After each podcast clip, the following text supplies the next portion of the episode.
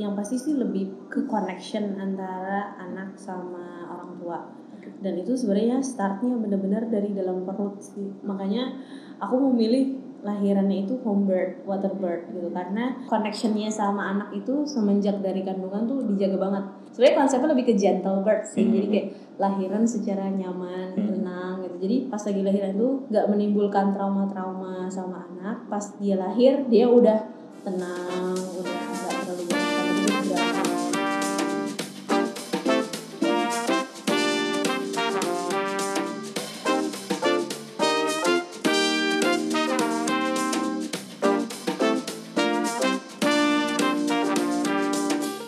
to Spectrum Talks.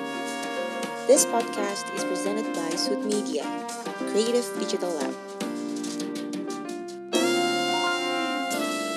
Eh, sore ini kita mau ngobrol-ngobrol sama dia Ajeng Lestari ya, halo, atau biasa dipanggil Ajeng. Sore Jeng. Sorry Anggri. Ya, Ajeng ini founder dan CEO dari hitchup.com. Jadi eh, fashion e-commerce muslim terbesar di Indonesia dari tahun 2011 ya. 11. Dan sekarang kalau nggak salah udah lebih dari 200 brands Iya. yang join ke hijab.com. Ajeng ini alumni UI yang dulunya sempat bekerja sebagai market research consultant sebelum akhirnya mendirikan perusahaan e-commerce hijab.com. Ajeng ini juga istri dari Ahmad Zaki, founder dari bukalapak.com. Jadi sama-sama merintis tech startup dari nol sampai sebesar sekarang ya Ajeng ya. Nanti bisa diceritain itu tentang lika-likunya. Dulu eh, aku pertama kali ketemu Ajeng tuh waktu di Geraha Parawira, aku masih ingat weekend itu main ke Geraha Parawira sebelum join ke Sweet Media. Terus pas naik lift buka itu lagi ada foto sessionnya Iya, di depan lift. di depan lift di sofanya itu ya. Tapi sekarang udah punya studio foto sendiri lah ya di kantor. Itu eh, ada banyak prestasi yang sudah dicapai oleh eh, Ajeng, salah satunya itu The Iconic Woman 2018 dan obrolan kita di podcast episode ini antara lain soal woman entrepreneurship, eh, community engagement sama branding ya. Karena yang aku lihat tuh hijab tuh jagonya di situ. Kita mulai ya Jeng ya. Eh, aku penasaran keseharian seorang CEO hijab itu kayak gimana sih? Hmm, pagi bangun sholat subuh. Kalau bisa sholat tahajud lebih bagus karena itu mulainya lebih awal jam 4 biasanya sih emang lebih efektif juga ya lebih efektif dan efisien secara produktivitas kalau dari pagi banget bangunnya. Cuma ya kadang-kadang tidur kemalaman juga bahaya juga karena juga mempengaruhi bangunnya juga nggak bisa lebih pagi. Nah biasanya sih ideally paling nggak sholat subuh lah ya gitu kan.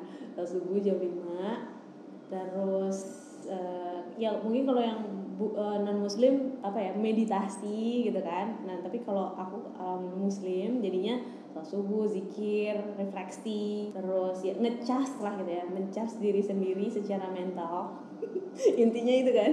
Karena ya pastinya eh, entrepreneur itu kan ya bisa dibilang challenge-nya tuh gede banget. Kadang ada di atas kadang ada di bawah kadang menghadapi hal yang unpredictable gitu kan. Eh, kadang dapat jackpot juga gitu jadinya Jackpot positif? ya, jackpot positif kadang Oke. gitu kan kadang juga bisa jackpot negatif juga ada juga gitu kan jadi penuh dengan kejutan jadi perlu memaintain uh, mental secara ini ya secara lebih bagus lah gitu kayak muscle mentalinya juga harus dilatih gitu Mental dan spiritual ya? mental dan spiritual Oke, oke. jadi ya semua orang punya caranya masing-masing lah buat itu ya dan ya kalau bisa olahraga olahraga dulu Oh rajin olahraga? Lumayan kalau lagi rajin. Oke, oke. kalau Zaki cukup eh, sering juga rutin. Jadi aku sebenarnya ikut-ikutan sama Zaki Oh, juga. Oke, oke. lari seminggu sekali. Kalau bisa kalau aku eh, sebenarnya lebih hobinya panah. Oke. jadi ya ada ada panah sih di rumah. Jadi mungkin kayak sedikit-sedikit plank gitu. Yang penting kita ngeluarin keringet karena emang olahraga itu juga bisa membangun mood dan endorfin juga gitu. Terus eh, nganterin anak sekolah kebetulan anak dua masih TK sih tapi udah ambisius ya udah di sekolah. Umur 5 sama umur 2 tahun. Iya umur 2 tahun udah? KB KB Oke. apa namanya kelompok bermain Oke. gitu. Jadi nganterin anak sekolah. Ya sebelumnya pasti siap-siap dulu gitu kan. Nganterin anak sekolah sekalian beli kopi gitu kan. Balik lagi ke rumah. Kebetulan rumah sama sekolah anak sama kantor deket jadi ya nggak begitu banyak waktu di jalan Itu sengaja pilih yang dekat biar saving time ya, Iya, lebih efisien iya, semuanya. iya. Tadinya rumah di Cinere, kantor di Kemang. Jadi kayak aduh sayang banget banyak waktu yang kebuang. Jadi kita ya berusaha berusaha beberapa tahun kemarin nyari rumah yang bisa deket kantor dan syukurnya bisa dapat. Jadi bisa saving time banyak. Terus nyari sekolah anak juga yang deket-deket juga. Jadi bisa sekalian ada ada quality time. Jadi kalau misalnya meeting pagi sekalian nganter anak. Kalau nggak ada meeting pagi balik lagi ke rumah terus mungkin baca-baca dulu sedikit baru meeting misalnya jam 10 atau jam 9 gitu nyampe kantor ya Ya, jadi personal time dari jam 4, habis itu lanjut ke family time, baru eh, waktu buat kantor itu dari jam 9 atau jam 10 gitu ya. jam 9 jam 10 tergantung meetingnya pagi apa enggak ya biasanya sih waktu tuh nggak pernah kerasa nih kalau di kantor tiba-tiba udah jam 5 malah kadang-kadang tiba-tiba udah jam 6 tiba-tiba ya tiba-tiba udah malam gitu kan. Ya balik lagi ke rumah. Kalau bisa lebih cepat lebih cepat dan kebetulan karena rumah sama kantor sama sekolah anak itu deket kalau bisa ada waktu buat jemput anak disempetin buat jemput anak gitu. kan juga sebenarnya cuman mungkin setengah jam lah gitu ya bolak balik mungkin satu jam gitu Hmm. buat bisa jemput anak kalau bisa misalnya makan siang sama Zaki bareng sempetin makan siang bareng. Oke, jadi kayak tadi misalnya sebenarnya Zaki makan siang sama meeting bareng eh, tapi aku ikutan makan siang gitu. Jadi ya istilahnya disiasatin supaya bisa ada banyak waktu Eh, karena dua-duanya sibuk kalau nggak ada waktu banget kan eh, gimana ya? Jadi kayak kayak mensiasati gimana caranya supaya bisa entah makan siang bareng entah berangkat bareng. Jadi ada waktu buat bareng-bareng lah Oke.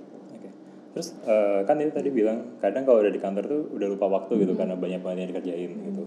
Kira-kira apa sih yang biasanya dikerjain seorang CEO hijab?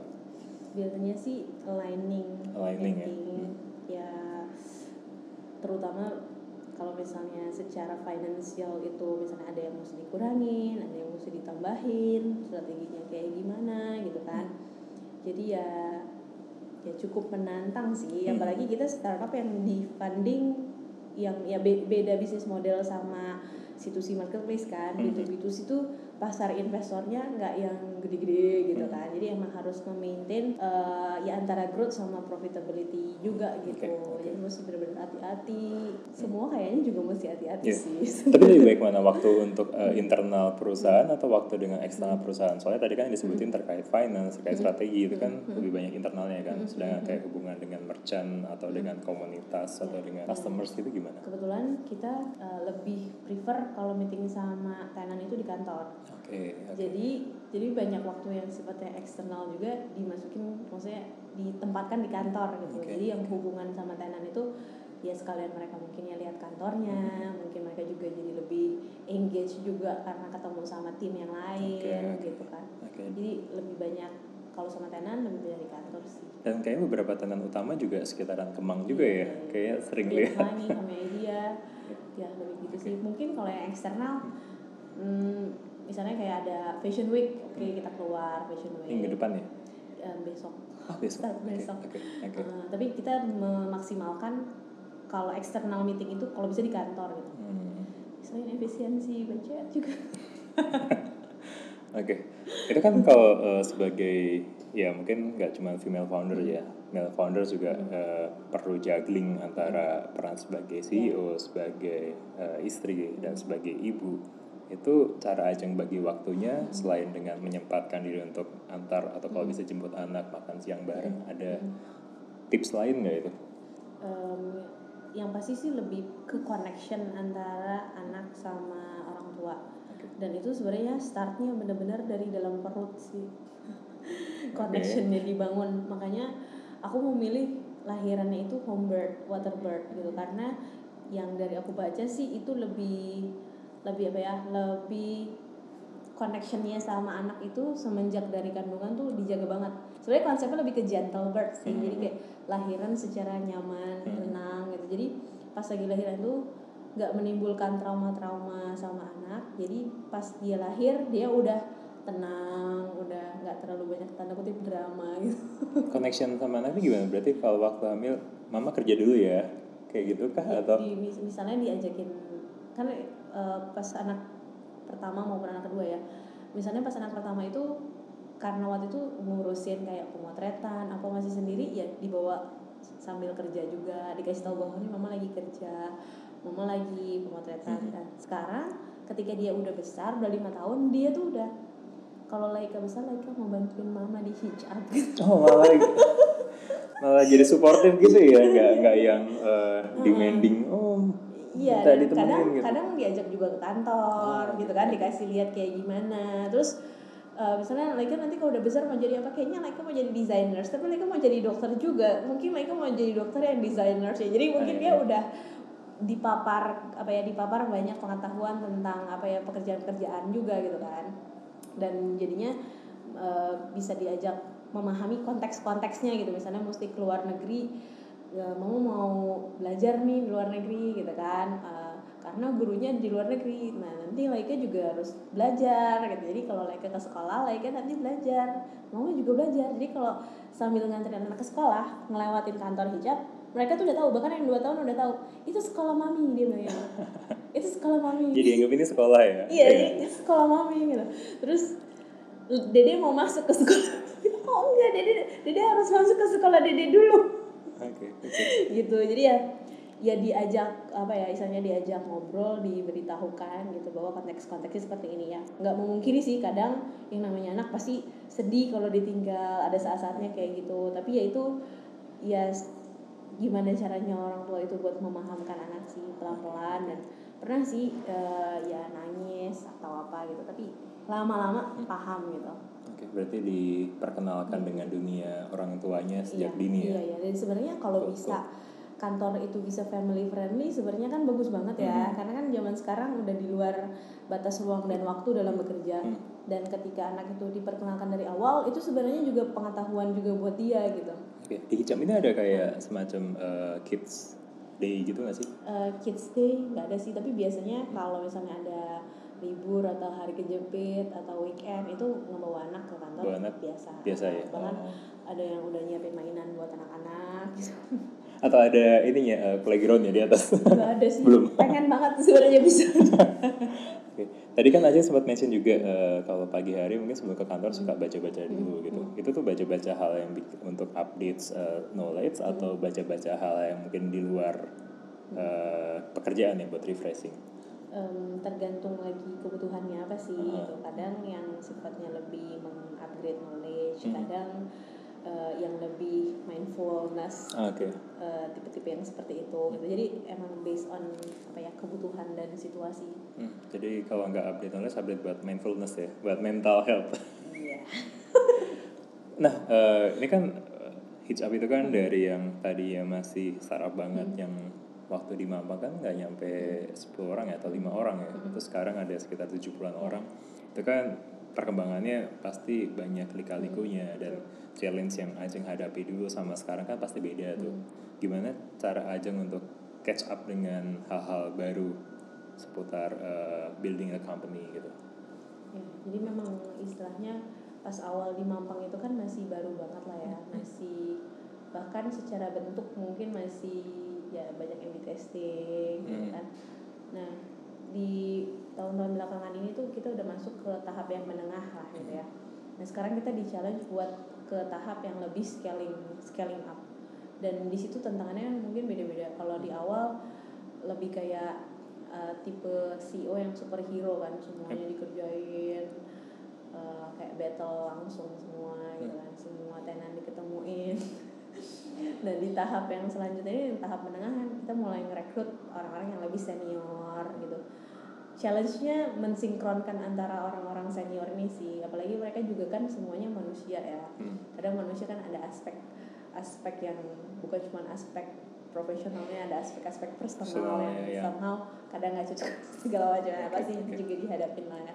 Jadi ya challenge-challenge yang kayak gitu sih. Untuk bisa naik kelas ke tahap yang scalable yang sampai ke tahap CEO yang udah kayak eh, rektor universitas gitu kan bisa ngelepas semuanya bisa lebih eksternal bisa lebih itu ya jujur sekarang masih dalam tahap menuju ke sana sih Mhm. gitu. jadi ya bisa dibilang eh, tantangannya beda-beda dan di di setiap tantangan itu itu sangat kayak membutuhkan adjustment dari sisi personal juga sih makanya tadi kan selain knowledge juga ada sisi-sisi mindfulnessnya Hmm. gitu karena yang kalau kalau dari sudut pandang aku adjustment dari sisi personal itu sangat apa ya sangat sangat banyak gitu loh di startup karena membentuk tim benar-benar dari nol kan Hmm.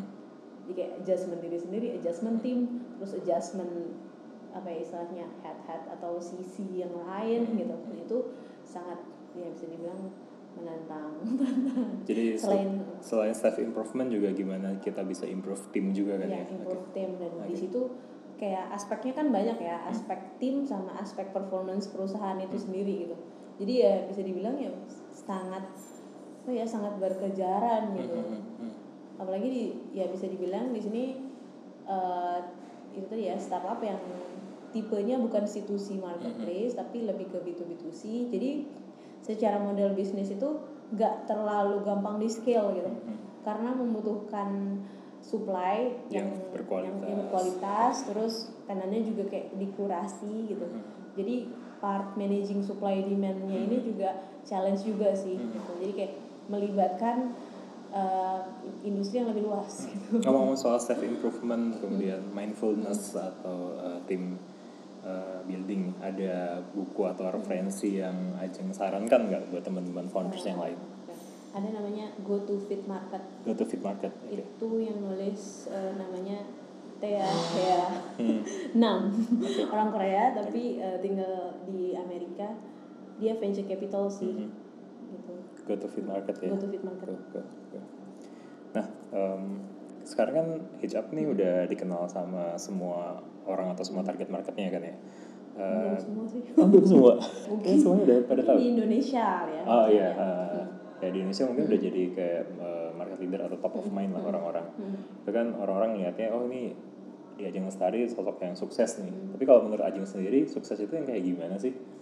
sukses itu yang bisa memberikan impact terbaik ke masyarakat lingkungan manusia alam semuanya. oke. jadi kalau tadi eh, dibilang sukses sih sebenarnya masih masih banyak PR-nya ya masih banyak eh, aspek-aspek atau dimensi lain yang mesti dilengkapi gitu Hmm. kayak misalnya sekarang fast fashion kan kita main ada di fast fashion ya bisa dibilang aspek eh, sustainability-nya masih mungkin belum 100% gitu loh aware di situ dan mungkin di situ kan ada impact-impact negatifnya juga gitu kan dari dari fashion itu karena limbah terbesar nomor dua gitu. Oh, jadi kedua?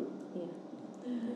Jadi eh, ya kalau kalau dari sudut pandang aku sebagai pebisnis, kadang memang eh, sisi kapitalisme itu menyampingkan sisi alam gitu kan, sisi fair trade gitu. Jadi ya itu challenge juga sih, challenge dalam arti kayak gimana bisa tetap growth tapi bisa memperhatikan aspek-aspek atau impact-impact lain yang mungkin nggak ada di apa ya ya bisa diukur lewat KPI uang atau apa gitu. Tapi lebih ke hal yang sifatnya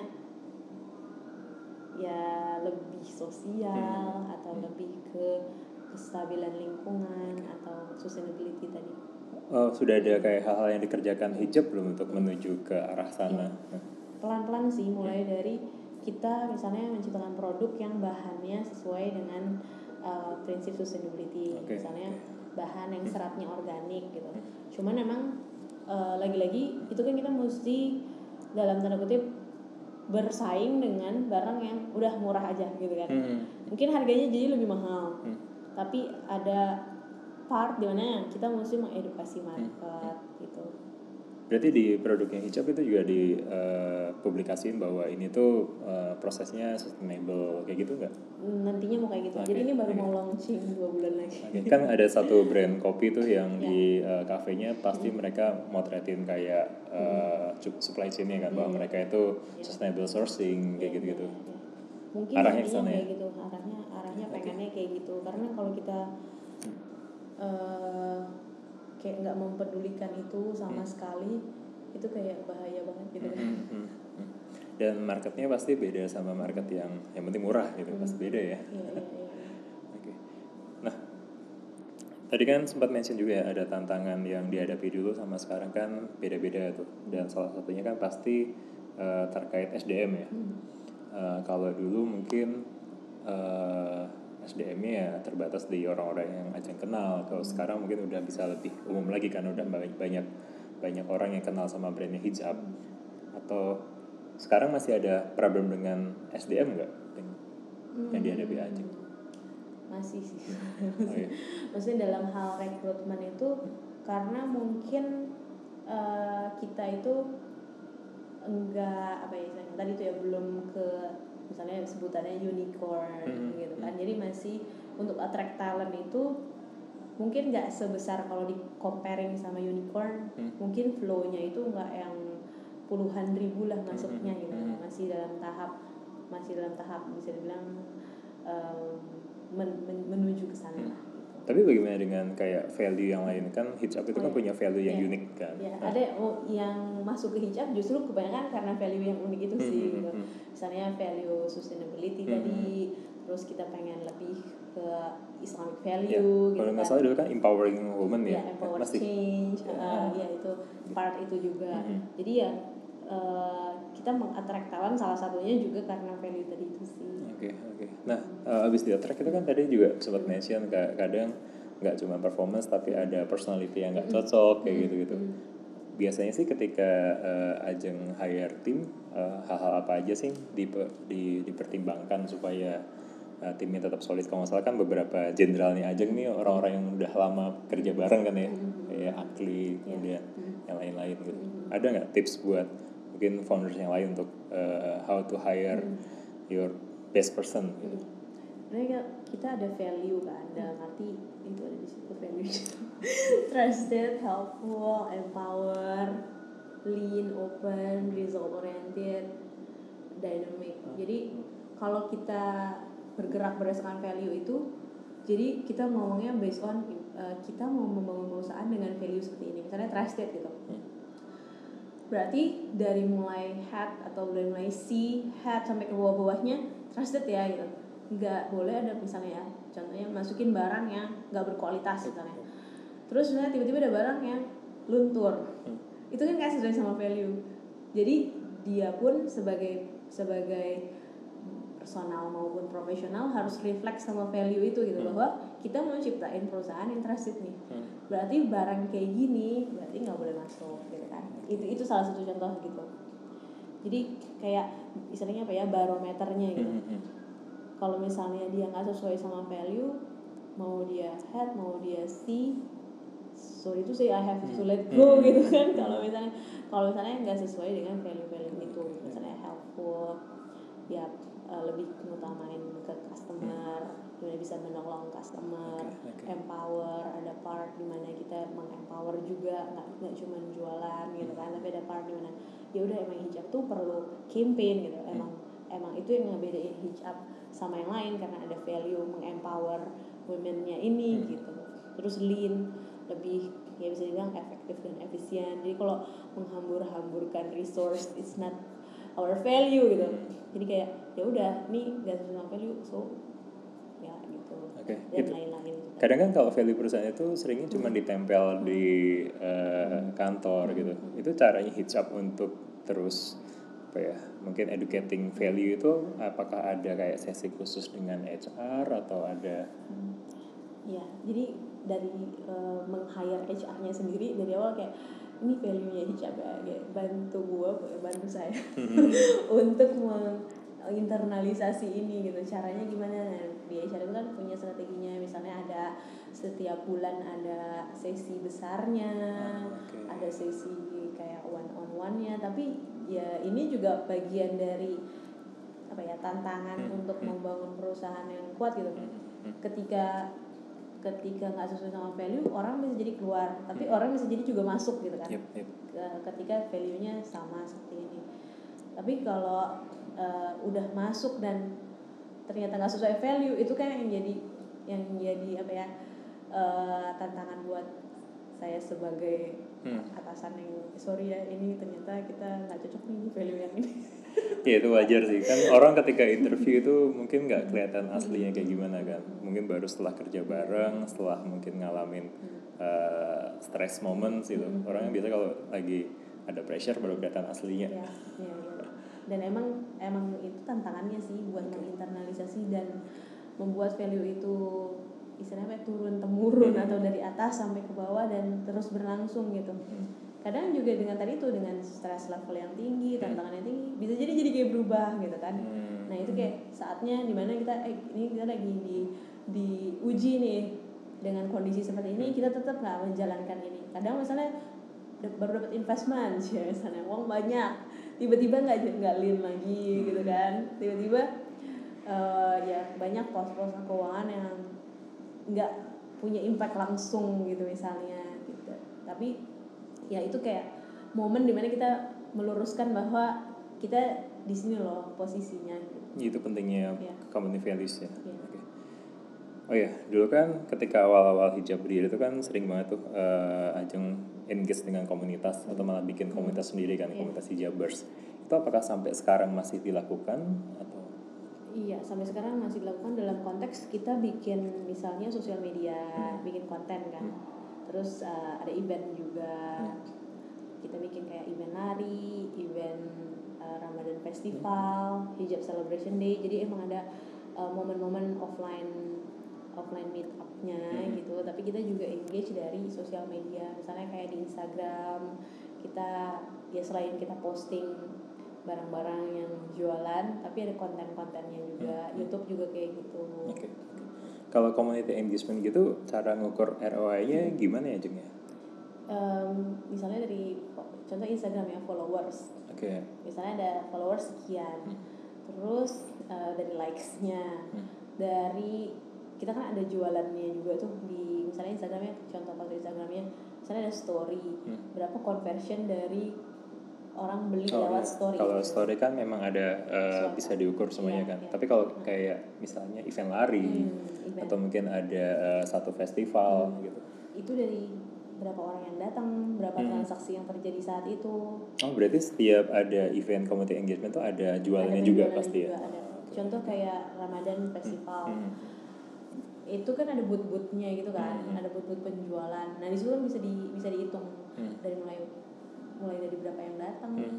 berapa transaksi yang terjadi gitu. Oke, tapi kan kadang event-event kayak gitu, walaupun kita langsung jualan di saat itu kan, bisa jadi impactnya itu bukan saat itu juga. Iya, iya. Oke, eh, gue ikut lari eh, bareng hijab sekarang, tapi mungkin baru beli itu bulan depan pas lagi butuh atau pas Iya. lagi ada uangnya. Nah, Iya. hal seperti itu kalau di hijab itu ada measurement khususnya nggak? Hmm, kalau untuk yang event memang lebih ke pas saat itu sih. Pas saat itu. Iya, Oke. kayak dan kita memang juga ada sponsor juga. Jadi kayak di backup sama sponsor juga dan bonusnya tambahannya itu Oke. penjualan saat itu dan lebih ke branding kayak after event itu kita juga nanya kan sama yang jualan gitu kan di event itu gimana penjualannya di sana gitu.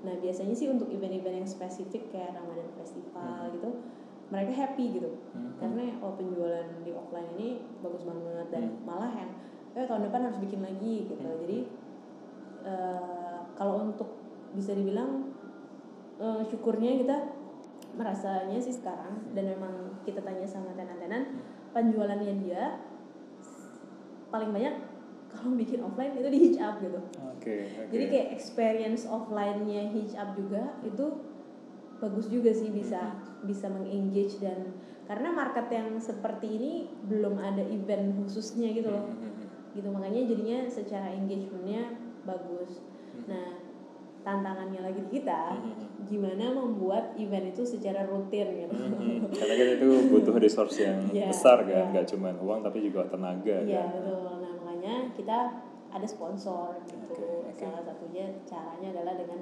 bikin event yang bersponsor. Oke oke menarik banget berarti event itu nggak cuma engage dengan customer tapi engage juga dengan merchant-merchantnya ya Iya, dengan iya, top iya, supplier iya. kita ya dan cara untuk eh, biar lebih efisien ya kita ajak sponsor kayak misalnya kosmetik kayak gitu bukan sih? Ya, kosmetik, bank, syariah. Ah oke iya terus banyak juga ya sebenarnya. Iya sebenarnya banyak juga. Dan dan tantangannya lagi sekarang juga banyak juga yang mulai bikin event juga. Tapi nanti eh, bisa tap in dengan hijab juga kan bisa collab kan? iya bisa kalah Ah. Atau mungkin ada bisnis unit sendiri yang khusus event sekarang? Hmm, belum jadi bisnis unit sih, masih divisi. Masih divisi. divisi. Nah, divisi apa ya? Divisi event. Event. Ada ada Oh, ada oke. divisi event. Berarti rutin dong itu kayak tiap bulan gitu. Em, ya tiap bulan tapi skalanya kecil-kecil yang Hmm. skalanya besar setiap tahun gitu. Oke, oke. Itu kan event mungkin bisa dibilang kayak salah satu uh, branding activities ya. Hmm. Nah, selain event ada lagi nggak sih kayak uh, branding activities selain itu? Em, kita kita lagi coba sih kayak ada mobile store Oh, oke, jadi oke. yang, mobile itu Uh-huh. tempat truk gitu Uh-huh. cuman kayaknya kalau yang kita lihat yang paling efisien sih sekarang sih event sih Hmm, hmm, hmm. Kalau dulu kan sempat bikin uh, show sendiri ya di TV, fashion TV oh iya, atau apa iya, ya? iya. ada Nah, ada ada iklan apa maksudnya iklan TV terus ada kayak eh, satu segmen Uh-huh. di acara TV gitu Fashion TV bukan ya waktu itu? Eh, di iLook nah Oh iya. Kayak pernah lihat. itu gimana Cuman- waktu itu? Oh. itu sebenarnya bagus Hmm. cuman itu juga resource-nya besar gitu Hmm. ya cukup mahal lah istilahnya Hmm. buat di situ. Nah dengan dengan apa ya sebenarnya impactnya juga juga bagus. Hmm. Cuman sekarang itu kita challenge-nya kan ada supply ada demand. Hmm. Mungkin kalau di TV sih secara demand jadinya banyak, tapi secara supply Oh. itu belum belum bisa ngikutin seperti itu gitu. Dan segmennya itu kebanyakan kalau di TV itu kan lebih ke lebih ke menengah ya bisa bilang menengah ke bawah gitu. Nah da- dari sisi uh, demand udah seperti itu, dari sisi supply kita mesti lebih adjust gitu. Mhm. Itu yang itu yang challenge-nya juga sih. Berarti ketika kita memutuskan mau pakai program yang mana itu Iya. kita harus uh, mikirin juga supply demand-nya ya. Mhm. Jadinya nanti ketika eventnya terlalu besar, demand-nya gede tapi Iya. supply-nya nggak bisa Iya. cukupin. Betul betul. Berarti kalau kayak uh, Ramadan Festival gitu dari sisi merchant-merchant yang supplier mereka harus ready juga ya Iya, dengan benar-benar. dikasih target Benar. juga berapa Benar. produksinya gitu ya. Iya. Oke, cool, cool. Nah, uh, seingatku kan dulu kan uh, hijab itu uh, bootstrapping ya. Mm-mm. Kalau nggak salah dari bulan pertama pun langsung profitable tuh. Kemudian uh, ada momen-momen di mana kayaknya hijab memutuskan untuk uh, terima investment gitu dari venture capital atau dari uh, investor yang besar gitu. Waktu itu ada pertimbangan apa aja jangan untuk memutuskan oh ini kayaknya saatnya kita untuk jadi growth oriented startup nih gitu. Eh, pertimbangannya karena belum ada yang tap in ke market itu satu. Oke, oke. Jadi kayak ada potensi yang besar Mhm. dan sayang juga kalau nggak Hmm. diambil gitu kan. Hmm. Akhirnya ya kita coba investment. Hmm. Jadi lebih ke growth mindset, lebih ke Hmm. growth, growth mode gitu. Growth mode ya. Ada uh, ada beda bedanya nggak sih kayak challenge yang dihadapi ketika masih yang uh, bootstrapping yang profit profitable oriented gitu dibandingin dengan sekarang yang udah uh, growth oriented yang penting growth dulu gitu ada challenge yang beda nggak? Hmm, beda sih dari dari speednya dari speednya kerja dari challenge juga ya dari su- supply demand tadi managing supply demand tadi karena kalau ke growth mindset kan artinya kan harus lebih scalable Iya. berarti kan ya cara cara caranya mengcreate uh, supply dan mengcreate demand juga beda gitu kan. Jadi ya kadang ya banyak idealisme idealisme yang mungkin nggak bisa terlalu seidealis itu gitu. Kayak tadi misalnya kayak sustainable fashion. Kita ada di industri yang fast fashion gitu kan. Mhm. yang ya secara demand besar secara supply juga harus dibesarin gitu kan. Hmm. tapi kan mungkin ada impact impactnya gitu. Hmm. jadi eh, lebih ke situ sih mungkin nggak bisa seidealis itu kalau ada di growth mindset Oke oke. Karena challenge-nya yang Ajeng rasain paling besar sekarang caranya nge-growing supply side-nya ya, malahan. iya supply side-nya dan emang ka- karena demand kita kebanyakan di Indonesia ya Hmm. itu adanya di market B minus CDE Oh malah sekarang ke situ.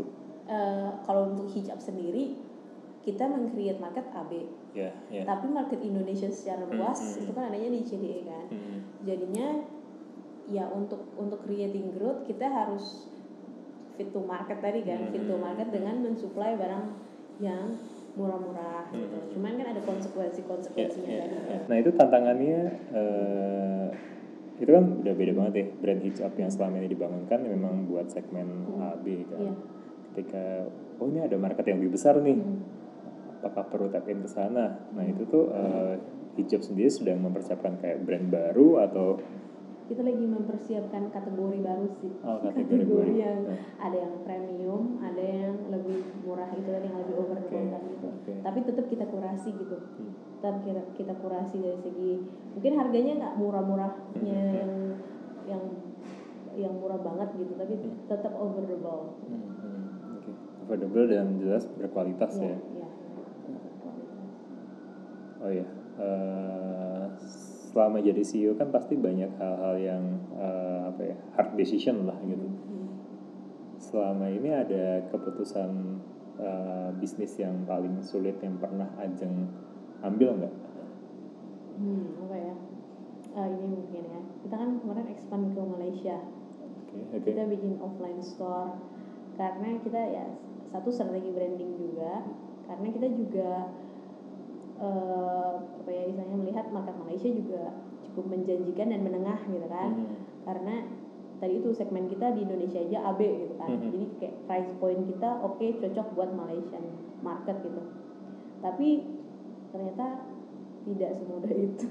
Oke. karena eh, saat kita masuk ternyata juga banyak brand yang masuk juga gitu maksudnya brand yang di create juga di sana gitu jadi kita ada di kompetisi juga di sana kalau di Indonesia mungkin pas kita masuk kita first mover Hmm. belum banyak yang main tapi Hmm. kalau di sana udah ada yang main gitu Hmm, jadi eh, keputusan terbesarnya adalah ya kita menutup Offline. store Malaysia Itu udah jalan berapa lama waktu itu? setahun sih Setahun ya. setahun nah. Tapi nextnya akan tetap eh, mencoba merambah market sana. Eh, mungkin lebih ke online ya Online. strateginya lebih ke online. Kalau kemarin lebih ke offline karena kita juga pengen melihat secara langsung testing the water juga. Ternyata ya operasionalnya besar gitu kan. Jadinya ya kita tarik lagi. Waktu itu ada berapa orang di eh, timnya di Malaysia? baru lima sih. Lima. Ya. Ya walaupun lima tapi juga untuk nutup pasti. Iya betul. Kayak ya banyak banyak apa ya administratifnya lah yang mesti di mungkin juga ya untungnya juga masih setahun ya jadi mungkin belum yang terlalu besar atau belum terlalu gimana banget. Oke. Nah ini eh, masih segmen terakhir tentang wisdom dan advice nih. Eh, ada nggak kayak kebiasaan-kebiasaan atau habits apa yang Ajeng lakukan yang ini kayak ini perlu nih dilakukan oleh semua orang nih, terutama eh, teman-teman yang female entrepreneurs ya. Oke. Em, ini kali ya nafas. Nafas, oke, menarik nih. gimana gimana? Em, nafas itu sebenarnya sih lebih ke mindfulness tadi sih karena ini dari awal banget bikin itu kan ya tadi tuh ya pen- penuh dengan lika-liku dan kadang kita ngerasa semuanya tuh berat banget ada saatnya di mana semuanya tuh berat banget gitu kan penuh Hmm. dengan tantangan tapi pas udah melewati itu itu tuh kayak nggak terlalu besar. Ya sebenarnya dulu gitu maksudnya itu bukan masalah yang besar banget ya dulu. Oke, jadi sebenarnya proses yang terjadi sekarang ini tuh kayak ya emang jadi kayak menambah kekuatan atau ya bisa dibilang menaikkan level kita gitu kan. Dan kesulitan-kesulitan yang terjadi itu sebenarnya ya itu memperkuat kita gitu. Oke. dan mungkin pas sekarang lagi ada di masa sulit itu kayak uh berat banget gitu kan. Tapi dengan kita bernafas dan kayak menyadari bahwa ini tuh lagi ada di posisi sulit yang sebenarnya ingin menguatkan kita gitu kondisi ini berpotensi untuk menguatkan kita dan menambah pengetahuan kita gitu yang mungkin sebelumnya kita belum tahu kita jadi tahu dan mungkin nanti kayak lima tahun lagi atau ya tiga tahun lagi atau setahun lagi kita melihat ke belakang itu bukan kondisi yang terlalu sulit sebenarnya Tapi ada kayak teknik bernafas tertentu nggak atau ya udah nafas aja tapi sambil Hmm. retrospeksi atau gimana? Eh, tekniknya itu sih ada banyak ya kalau misalnya kita kita kita googling atau kita cari di YouTube juga teknik bernafas itu banyak Hmm. cuman kalau eh, aku pribadi itu menerapkan tarik nafas sambil bilang kaf Hmm. tahan haya ain dilepas sot itu itu itu ayat di dalam Al-Qur'an ya. Iya, iya. Jadi itu suratnya surat Maryam. Surat Maryam itu di mana si- eh, menceritakan Siti Maryam itu itu lagi melahirkan Nabi Isa kan. Hmm. Dan di ayat pertama itu kaf haya ain sod dan karena waktu itu aku lahirannya di Waterbird jadi kayak kayak merefleksikan atau menganalogikan gitu karena di surat Maryam itu diceritain pas Siti Maryam lahiran itu di ada air yang dipancarkan di bawahnya gitu jadi kayak bayangin keadaannya Siti Maryam saat itu gitu kan kayak sendirian ngelahirin berat banget parah mungkin sedih mungkin apa segala macam tapi dia berhasil melalui itu juga dengan dengan baik gitu. Dan doanya kan keselamatan bagimu saat kamu dilahirkan saat kamu dibangkit saat kamu mati dan saat kamu dibangkitkan. Jadi mungkin kita tuh dalam keadaan sulit banget tapi nanti kita selamat kok gitu. Oke, oke, oke. Jadi, dan di ayat pertamanya itu ritmenya pas aja gitu. Ritmenya pas aja dan huruf shotnya itu kayak menggambarkan menggambarkan kalau di simbolnya huruf shot itu kayak rahim rahim dan kondisinya keluarnya itu bayinya seperti meluncur gitu. Dan emang waktu itu kan lagi melahirkan itu di di waterbird Hmm. dan menerapkan nafas ini juga dan syukurnya waktu itu bayinya keluarnya juga tenang gitu kan cepet juga. Jadi kayak menganalogikan bisnis itu kayak saat kita saat kita lagi melahirkan. Jadi, analoginya itu mungkin stressfulnya banyak. Kalau dilahirin kan kalau di perempuan melahirkan kan ada kontraksi kan kontraksi itu kan kayak perut kita tuh kayak di squeeze dengan segala macam atas bawah otot-ototnya itu kan. Segala arah di squeeze. Tapi ketika kita mengatur nafas itu itu tuh jadi lebih rilis gitu. Lebih li- rilis dan jadi kayak painfulnya nggak se painful itu gitu. Hmm, rasa sakitnya tuh nggak ses- sesakit itu dan dan jadinya lebih lancar lebih tenang dan jadi lebih gampang keluar. Nah mungkin analoginya dalam bisnis tuh gila mungkin kan? Kalau kalau kalau kalau di di posisi sebagai startup founder dari dari kecil dari startup banget itu pasti tantangannya dari atas bawah kanan kiri. Hmm. Hitch pun sekarang sekarang mengalami itu misalnya kayak tadi kan oh market berubah oh supply dari mana-mana sekarang banyak oh segala macam kan oh tantangannya berat banget sih ini kayak di squeeze gitu. tarik nafas Tarik nafas. tenang ini akan berlalu Oke, oke. Dan itu juga bisa rilis uh, stres juga ya. iya Ya. ayo stres itu karena semakin tenang semakin relax keputusannya juga jadi semakin bagus gitu Mhm. dan mungkin eh, ya itu tadi ketika under pressure kadang kita juga jadi bingung kan mau ngapain atau mau me- memutuskan apa Oke. Oke, menarik, menarik. Bernafas. bernafas Oke, eh, last question nih bagi- sebagai penutup. Misalnya Ajeng punya akses untuk membagi-bagikan poster nih ke Oke. semua eh, pelajar atau mahasiswi se-Indonesia. Kira-kira di poster tersebut akan ada foto atau tulisan kayak gimana ya? Hmm. ini konteksnya mau promosiin up Oh bukan, eh, untuk empowering. hmm. Hmm. oke empowering apa ya poster buat empowering women ya Ya, empower change start from yourself kali ya oke. Empower change, start from yourself. Sip, cool. Thank you banyak Ajeng buat eh, obrolan kita sore ini. ya. Eh, ya semoga orang-orang yang ngedengerin obrolan kita banyak dapat inspiration dari Ajeng. Thank you.